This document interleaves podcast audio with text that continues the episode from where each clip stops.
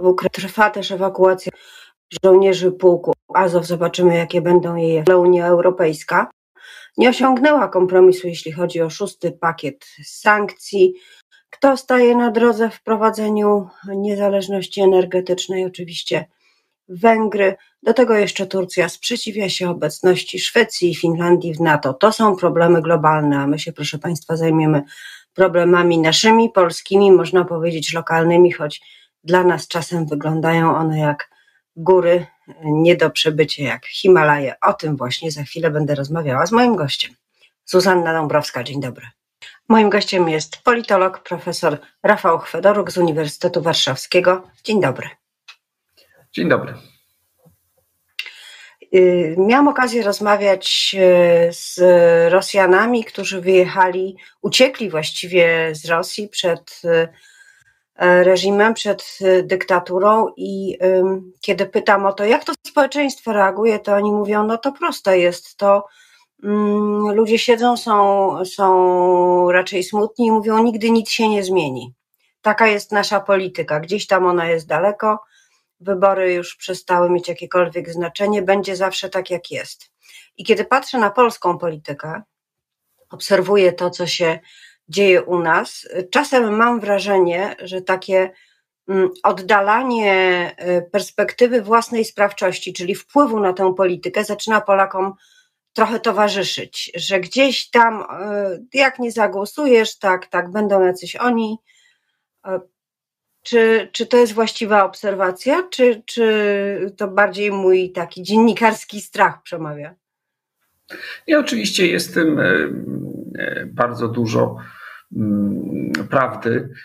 Rosję chyba bardziej moglibyśmy porównać do Meksyku, gdzie przez parędziesiąt lat rządziła partia republikańsko-instytucjonalna wyrastająca jeszcze z dziedzictwa meksykańskich rewolucji. Wybory rzeczywiście były konkurencyjne, Tyle tylko, że zawsze wiadomo było, że w ich efekcie ta sama partia będzie rządzić. Trochę podobnie jest, jest w Rosji i mimo, że, że, że główna siła opozycji w postaci partii komunistycznej, no, choćby w ostatnich wyborach bardzo poprawiła swoje, swoje notowania, no to wiadomo, że nikt nigdy nie dopuści jej w Rosji do, do władzy, tym bardziej nie mówiąc o, o, o dużo słabiej zakorzenionej społecznie liberalnej prozachodniej opozycji. My na szczęście mamy chyba problem o trochę innym podłożu, o ile w ogóle słowo problem jest tutaj adekwatne. Mianowicie mamy po prostu bardzo stabilny system partyjny. Jeśli uznamy, że owa stabilizacja. Stabilny czy betonowy? Jedno oznacza drugie. Jest wyłącznie kwestią, kwestią oceny. Cóż takiego mieliby powiedzieć na przykład Brytyjczycy czy Amerykanie, gdzie na dobrą sprawę ponad 100 lat funkcjonują te same systemy partyjne i, i ile u nas można użyć słowa zabetonowanie w takim przenośnym charakterze, to tam chyba musielibyśmy mówić o, o bunkrach, prawda? I to z bardzo grubymi mm, stropami, ba nawet często porównywana do Polski Hiszpania, mimo okresowych, przelotnych zmian w istocie wciąż jest oparta na podobnym mm, duopolu hiszpańskiej socjalistycznej partii robotniczej oraz e, de facto postfrankistowskiej partii ludowej. Natomiast te kraje Europy, gdzie dochodzi do dynamicznych zmian systemu partyjnego, jak Włochy, czy, czy jak nasi południowi sąsiedzi w postaci i Czechów, i Słowaków, no chyba niekoniecznie są wzorcami do, do naśladowania. I jeśli ten system jest tak trwały, to pamiętajmy, że nie da rady go wyłącznie metodami administracyjnymi, ordynacją wyborczą sprzyjającą najsilniejszym zabetonować. To znaczy, że jako społeczeństwo naprawdę tak jesteśmy podzieleni. To znaczy, że ów konflikt Platformy i PiSu, który początkowo był niewinną wojną domową w obrębie postsolidarnościowej prawicy, w jakim sensie odzwierciedlił mm, realne podziały polskiego społeczeństwa dalece wykraczające poza to, co obserwowaliśmy w latach, w latach 90., gdy spór w większym stopniu oparty był na podziale natury mm, e, historycznej. Więc e, A jaki to jest że, podział w takim razie? Jaki to jest podział? Bo przecież jest... jeżeli nie jest historyczny już, to może jest klasowy, ale też nie bardzo na to wygląda. E, ekonomiczny być może, czyli poziom zamożności. Na czym polega ten podział socjologicznie, politologicznie? Myślę, że jego fenomen polega na tym, że mm, klasyczne osie dzielące społeczeństwa, głównie świata zachodniego, zaczęły się na siebie nakładać. Po pierwsze, oczywiście jest to konflikt o podłożu ekonomicznym, mający swój wymiar klasowy, pokazują to wszystkie możliwe dane. Po drugie, jest to konflikt, który zawsze był bardzo istotny w państwach mających problemy z modernizacją, szczególnie Ameryka Łacińska czy rzeczona Hiszpania miałyby tu wiele mm, do zobrazowania, gdzie konflikt centrum-peryferii. Nie oznaczający wyłącznie konfliktu stolicy zresztą kraju, ale oznaczający konflikt e, silniej zurbanizowanych, lepiej rozwiniętych mm, obszarów e, z tymi, które z różnych powodów e, rozwijają się w wolniejszym, e, w wolniejszym e, tempie. Jest to tak, że konflikt kulturowy, który nie jest bynajmniej tak bardzo silny i wyrazisty, jak nam się wydaje, raczej powiedziałbym, że, że do niedawna był to konflikt mm, bardziej przywiązanej do kościoła mniejszości z heterogeniczną większością. Teraz kontury tego jeszcze troszkę się mm, zmieniają. No i pewnie dałoby radę do tego dodać jeszcze kilka, mm, kilka innych mniej istotnych e, osi. One się na siebie nałożyły w efekcie podłoże owego betonu jest bardzo mocno e, ugruntowane. Można jakoś inaczej nazwać PiS, można inaczej nazwać Platformę, można zmienić przywództwo, można dokonać jakiś korekt, mm, ale ten podział będzie trwał. Moim zdaniem dopiero gruntowna wymiana demograficzna i całkowite zdominowanie mm, elektoratu przez y, osoby urodzone po roku 89 i, i socjalizowane politycznie już w nowym świecie y, zmieni to, y, to wszystko, czyli nieprędko się to stanie. Trochę tak się stało w Hiszpanii. To, o czym Pan wspomniał, podział sceny na dwie, na dwie części, kiedy 10, 10 milionów głosowało na, jed, na jedną partię, 10 milionów na drugie, a głosowały te 2%, które gdzieś tam przechodziły pomiędzy nimi. E, w Polsce, przenosząc się na grunt e, partyjny, mamy do czynienia teraz z sytuacją większości parlamentarnej, niedużej, można nawet powiedzieć chyba, że słabej większości, ale jednak większości, co udowadnia w poszczególnych głosowaniach i zróżnicowanej opozycji, podzielonej na kilka partii. Jak to wróży na wybory przy obecnych sondażach, które dają tej rządzącej większości pierwsze miejsce, choć przełożeniu takim modelowym na, na mandaty, najczęściej władzy jej nie dają. Jak to może pójść, Pana zdaniem? Jak to się może rozwinąć? Z całą pewnością kwestia mm, chybotliwej większości w Sejmie była jednym z głównych reżyserów polskiej polityki mijającej już powoli e, kadencji i destabilizowała rządy prawa i, i sprawiedliwości. Choć to, co było dla Prawa i Sprawiedliwości największym zagrożeniem, to znaczy perspektywa stworzenia alternatywnej większości, powstania rządu po prostu przeciwko Prawu i Sprawiedliwości w tym Sejmie, chyba zostało definitywnie mm, od rządzącej partii mm, odsunięta. Jeśli spojrzymy na mm, sondaże, to można by powiedzieć tak, że pewnym punktem wyjścia był wynik ostatnich wyborów sejmowych, który dawał Prawu i Sprawiedliwości gwarancję przy obecnej ordynacji dysponowania poprzez Zjednoczoną Prawicę większością mandatów w Sejmie przy takim poziomie procentowym poparcia mm, grubo przekraczającym 40%. Zarazem po mm, próbie zaostrzenia ustawodawstwa antyaborcyjnego mm, sondaże rządzącego ugrupowania spadły do takiego poziomu, który gwarantowałby mu przejście do opozycji po kolejnych wyborach. Mm, COVID y, oraz y, mm, wojna na Ukrainie spowodowały, że sondaże Prawa i Sprawiedliwości y, mm, wzmocniły się, tym niemniej zatrzymały się na poziomie bardzo podobnym do wyniku PiSu, ale nie z 2019, z 2015 roku. Wyniku, który wówczas dał PiSowi władzę, ale dał tę władzę przy relatywnie niskim wyniku 37-8%, wyłącznie poprzez to, że bardzo duży odsetek głosów padł na ugrupowania, które z powodu nieprzekroczenia progów zaporowych nie weszły do Sejmu. Faktycznie były to głosy mimowolnie oddane przez wyborców, skądinąd głównie lewicowych, mm, na, e, na PiS. I trochę mamy do czynienia z repetycją tej e, sytuacji. To znaczy, Prawo i Sprawiedliwość obecnie jest na takim poziomie poparcia, które może dać szansę na większość mandatów, natomiast absolutnie nie daje takiej pewności. By Prawo i Sprawiedliwość ponownie było partią e, rządzącą, e, musiałoby dojść do kilku, do zbiegów kilku okoliczności. Przede wszystkim znów musiałyby się pojawić komitety wyborcze, które uzyskiwałyby istotny statystycznie rezultat, a nie dostałyby żadnego e, mandatu.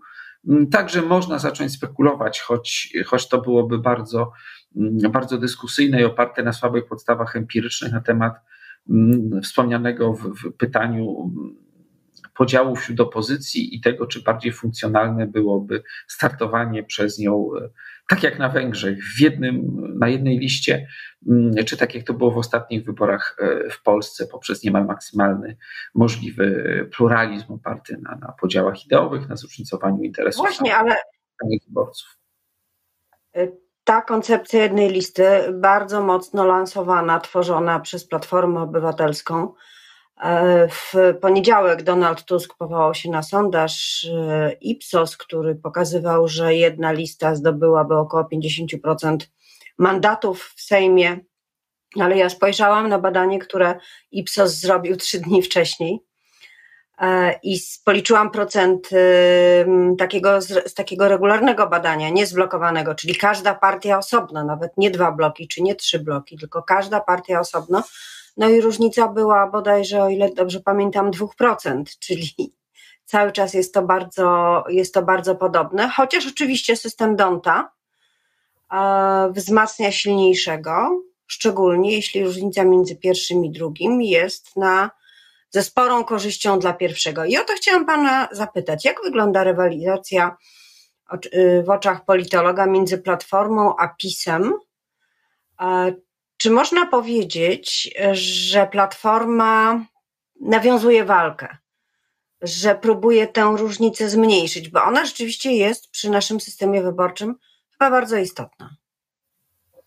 Warto dodać do tego mm, okoliczność z 2015 roku, w postaci startu nowoczesnej, która w olbrzymim stopniu odebrała elektorat Platformie Obywatelskiej, czyli no, głównej sile mm, opozycji. To też miało wówczas znaczenie dla, dla bezpiecznej większości Prawa i Sprawiedliwości mm, w Sejmie. Otóż, jeśli spojrzeć na ten problem e, z perspektywy, mm, powiedziałbym, pewnego ideału polityki, no to oczywiście partie o różnych programach Szczególnie myślę tutaj, e, że dystans pomiędzy Platformą a, środowiskami lewicowymi jest dosyć duży. Powinny startować oddzielnie. Natomiast jeśli spojrzeć e, na to z perspektywy funkcjonalności polityki, pragmatyzmu i możliwości oddziaływania na życie, e, na życie społeczne, no to obraz staje się dużo bardziej skomplikowany.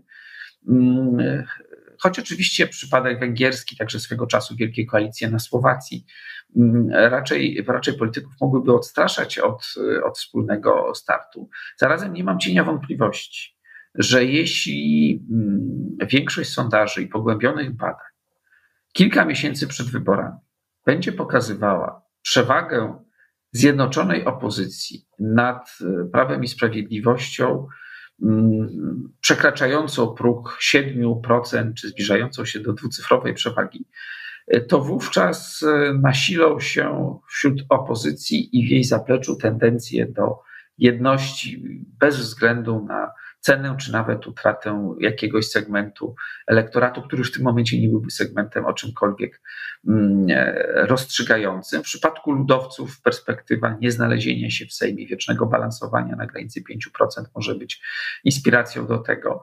W przypadku lewicy warto pamiętać, że Mm, wciąż znaczące w skali całego kraju lokalne organizacje dawnego SLD, tam gdzie współrządzą w samorządach na poziomie miast, czy powiatów, czy sejmików województw, czynią to zawsze z Platformą e, Obywatelską bądź bytami bliskimi mm, Platformie Obywatelskiej. Natomiast jeśli takie sondaże nie będą dawały gwarancji e, końcowego sukcesu, jeśli grozić będzie powtórka z wyborów do Parlamentu Europejskiego, gdzie koalicja europejska była od początku bez szans, ba nawet gdyby wówczas komitet Roberta Biedronia do niej dołączył, to też niewiele by per saldo zmieniło, to wówczas oczywiście tendencje samodzielności mm, znajdą dużo głębsze e, podstawy. Tak więc bez względu na to, co politycy opozycji w tej chwili będą mówić, to tak naprawdę, na jakie badania się powoływać, to tak naprawdę w ostatecznej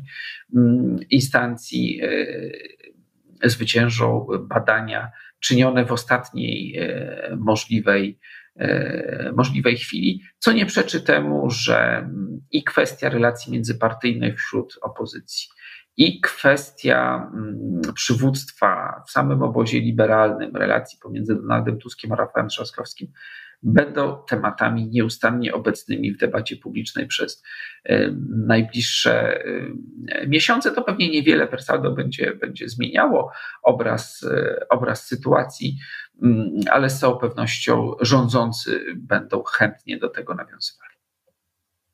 Wspomniał Pan o PSL-u. Ja myślę, że e, perspektywa budowy tak zwanego prawego centrum, e, czyli te wysiłki, które pojawiają się ze strony ludowców, ale także porozumienia e, Jarosława Kowina, różnych mniejszych kół i posłów niezależnych, którzy ostatnio E, jedna z tych grup dołączyła do, do koalicji polskiej. No i oczywiście jeszcze Szymona Hołowni i Polski 2050, że to wszystko, to miejsce, które jest najbardziej niezdefiniowane chyba w tej chwili e, politycznie, tam się wszystko jeszcze gotuje e, i układa, że to miejsce jest ciekawe i może stać się w wyborach tym, tym elementem, który rozstrzygnie sytuacji. Jeśli zniknie ze sceny, PiS może rządzić. Jeśli pozostanie, jeśli uda się choć procent, dwa czy trzy uszczknąć e, szeroko rozumianej pra,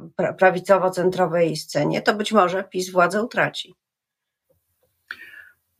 Problem ma co najmniej dwa aspekty. Jeden długofalowy, mm, związany z tym, że olbrzymia część obecnych polskich elit y, politycznych i nie tylko politycznych wchodziła w świat y, polityki w latach 80.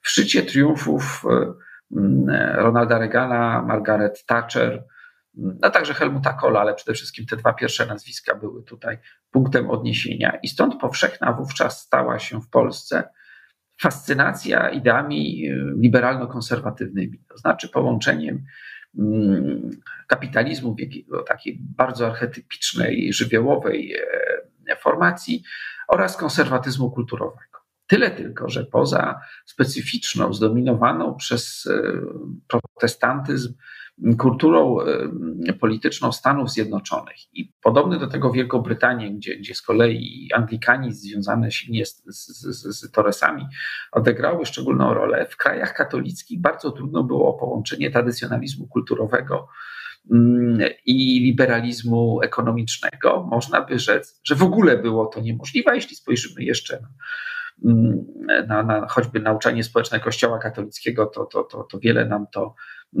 e, wyjaśni. W efekcie, mimo że bardzo poważne postacie polskiej polityki i niegdyś przyszły prezydent Bronisław Komorowski, Jan Maria Rokita, Aleksander Hall, rzeczony Jarosław Gowin e, próbowali tworzyć formacje liberalno-konserwatywne w Polsce, za każdym razem kończyło się to tak samo. Katastrofą i koniecznością przyłączenia się albo do prawicy o bardziej socjalnym zacięciu, albo do, do integralnych y, liberałów, mówiąc symbolicznie, próba ożenku idei Leszka Balcerowicza z Tadeuszem Rydzykiem w Polsce no, zawsze, zawsze kończyła się absolutną mm, społeczną y, próżnią. I taki taktyczny wymiar wiąże się z problemami ruchu ludowego, który mając bardzo bogatą historię i będąc rzeczywiście kluczowym elementem polskiej polityki mm, po 1989 roku ze względu na przemiany polskiej wsi, ze względu także na siłę konkurencji e, ze strony mm, PiSu, e, próbował w różny sposób się e, transformować. Tyle tylko, że niekoniecznie oznaczało to wprost formułę liberalno-konserwatywną. Mm, uratowanie się ludowców w ostatnich wyborach oznaczało przyciągnięcie do siebie prócz pozostałości własnego elektoratu, na przykład wielu wyborców Platformy oraz wielu wyborców Lewicy. E, było to rzeczywiście e, takie, powiedziałbym, funkcjonalne centrum, choć jednak wyraźnie bliższe bliższe opozycji. Tam jeszcze w tym wszystkim był jeszcze Paweł, Paweł I teraz słucham? Tradycja, aspekt społeczny. Co jeszcze? Jaki tam jeszcze był element, który o tym zadecydował? Znaczy nie, tam przede wszystkim elementem chyba odróżniał styl uprawiania polityki. Nie tyleż treść, prawda? bo jednak obecny lider Polskiego Stronnictwa Ludowego był bardzo mocno identyfikowany z rządem e, Donalda, Donalda Tuska. Myślę, że raczej wygrywał na pewnym dystansowaniu się od e, stylu uprawiania polityki przez dwa główne podmioty. Był także beneficjentem tego, że, że rozpad koalicji europejskiej spowodował, że wyborcy opozycji poczuli się zwolnieni z obowiązku głosowania na e, największą formację e, opozycyjną.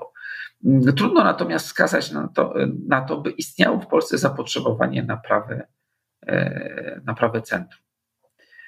Jeśli w Polsce pojawia się taki jeśli ono się pojawia w Polsce, y, znaczy jeśli pojawiają się partie niezależne od duopolu, to albo są partiami, mm, jest takie pojęcie partii subkulturowych, to znaczy partii, które mają bardzo długą tradycję, bardzo silne struktury organizacyjne i trochę żyją własną historią. I o SLD, i o PSL-u można coś takiego e, powiedzieć, albo są to partie, które są określane mianem populistycznym, które są po prostu mm, antysystemowe, przynajmniej się tak przedstawiają, czy one są realnie, to już jest zupełnie inna, inna sprawa.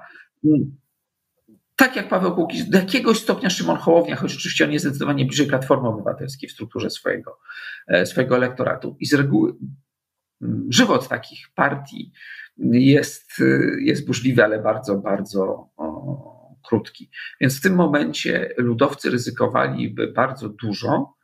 Mm, w tym być może ryzykowaliby definitywne wypadnięcie z polityki. Pamiętajmy, że ta partia w olbrzymim stopniu egzystuje dzięki autentycznemu społecznemu zakorzenieniu, sile w wielu samorządach e, lokalnych, ale nawet w swoich bastionach lubelskim czy, e, czy świętokrzyskim na poziomie samorządowym Prawo i Sprawiedliwość przejęło władzę. I wiele struktur Polskiego Stronnictwa Ludowego po nieudanych wyborach ogólnokrajowych może stanąć przed bardzo trudnymi lokalnymi e, dylematami. Stąd więc myślę, że mm, tak naprawdę prawdopodobieństwo samodzielnego startu ludowców, mimo ich autentycznego dążenia do, do, do niezależności, mm, jednak jest dużo mniejsze niż w ostatnich e, wyborach mm, sejmowych.